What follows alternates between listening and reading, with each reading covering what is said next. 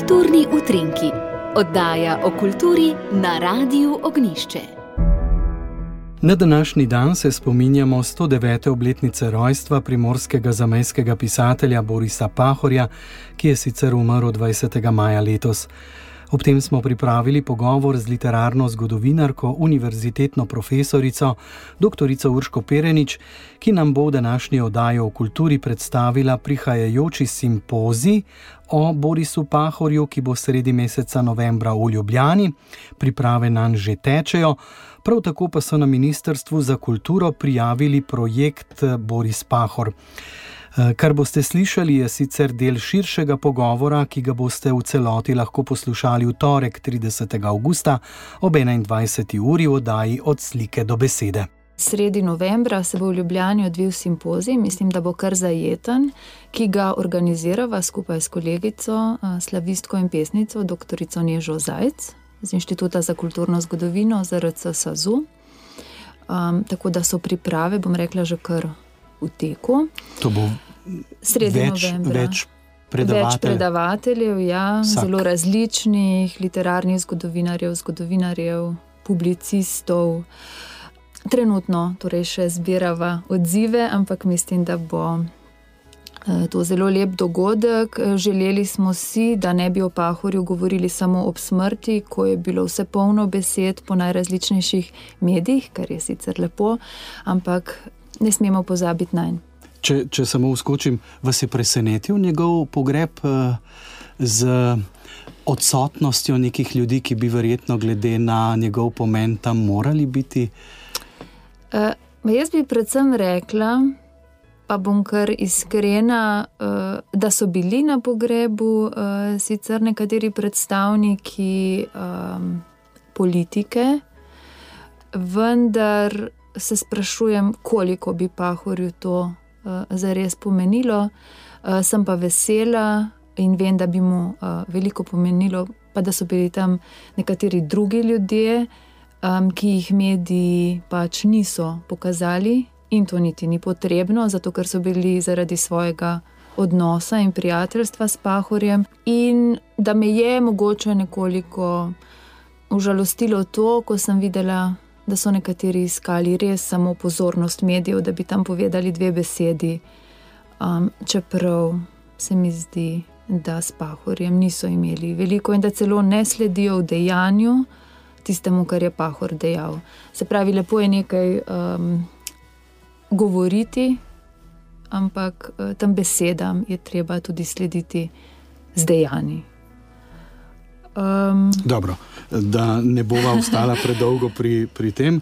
E, skratka, simpozij o Pahorju naj bi nam ga predstavil na več različnih e, načinov, pogledov, z več različnimi temami in tako naprej. To bo seveda e, simpozij, ki bo namenjen strokovni javnosti. Uh, bi rekla tudi širši, laični, kulturno zainteresirani javnosti, hkrati pa želimo ob tej priliki tudi obeležiti okrogli obletnici rojstva in smrti Edvarda Kocbeka. Tako da bo zagotovo um, ena od sekcij na simpoziju posvečena tudi njunemu plodovitemu odnosu. Um, rada bi pa omenila še projekt, um, sedaj je to še. Torej, ne morem še vsega povedati, ampak kar lahko rečem, je, da smo z raziskovalno skupino prijavili zelo ambiciozen, upam si reči, odličen projekt o Pahorju, da ne bo izpadlo, da se eh, sami hvalimo. Bi rada povedala, da smo na ocenjevanju prejeli odlične ocene. Za ta projekt, vendar pa v tem trenutku ta še visi v zraku, saj ne vemo, če bomo zares dobili financiranje za njih. In tako se človek upravičeno vpraša, mar ni čas, če je ta projekt odličen, da vendarle tudi država sofinancira projekt o nekom, ki se je vse svoje življenje tako upiral, tako zelo upiral absolutnemu zlu, eh, pa naj si gre za fašizem, nacizem ali pa komunizem kot tretji totalitarizem, na katerega pahor opozarja. Mhm. In ta projekt eh, ste si zamislili kako?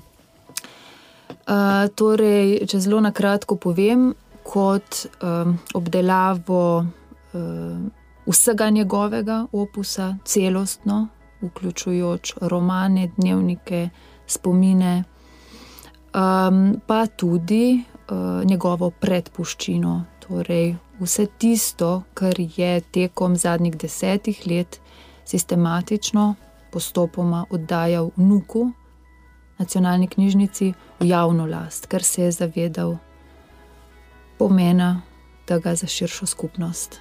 Uh, to oddajanje um, predpuščine, predpuščina je izraz, ki smo ga prevzeli po nemškem Forla, se pravi tisto, kar avtor sam po svoji volji oddaja pred smrtjo. Uh, in ima torej neke poteze tudi zasebnega arhiva, ter potem postopoma prehaja v javno last in postane zapuščina po avtorjevi smrti. Eh, torej, oddajanje te predpuščine je. Pred več kot desetimi leti spodbudil Jožef Školč, um, potem pa je Pahor v zadnjih letih zlasti intenzivno sodeloval z Nukom, um, posebej z um, gospodom Marjanom Rupertom, uh, Eh, in tako rekoč vse oddavno. Eh, največji delež te predpuščine so pisma, ki smo jih ocenili v grobem na 5000, si predstavljate, da dobite v svojem življenju toliko pisem. Eh, so pa seveda tudi rokopisi dnevnikov, morda je najbolj zanimiv tipkopis nekropole in še marsikaj. Skratka, neka zbrana dela, ne? zbrano uh, delo? V neki daljnosežnejši perspektivi, na vsak način. Uh, prišla sva do konca, doktorica Urška Perenič, ob 109. obletnici rojstva tržaškega pisatelja Borisa Pahorja. Je nastajala ta oddaja, o tem sva želela, uh, da smo zdaj mi tisti, ne, ki naj njegovo zapuščino, zdaj je že zapuščina, peljemo tudi za druge rodove naprej.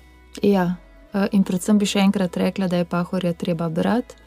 Um, ko me vprašajo, kaj bi predlagala, uh, potem bi brez dvomov omenila Grmado v pristanu, uh, Nekropolo, spopad s pomladjo in v labirintu. Uh, to so štiri dela, ki nas uh, popeljajo za tiste, ki pahorja premalo poznajo. Pravzaprav skozi njegovo življenje, od tistega grozljivega požiga 1920 pa tja globoko v drugo polovico 20. stoletja. In vem, kako se mi je pred eh, mislim, dvema letoma zahvalil, ko sem v neki radijski oddaji predlagala branje Nekropolo. Um, ko sem potem zgrožena ugotovila, da je niti študenti ne poznajo. Tako da res toplo priporočam branje vsaj ta štiri njegova dela.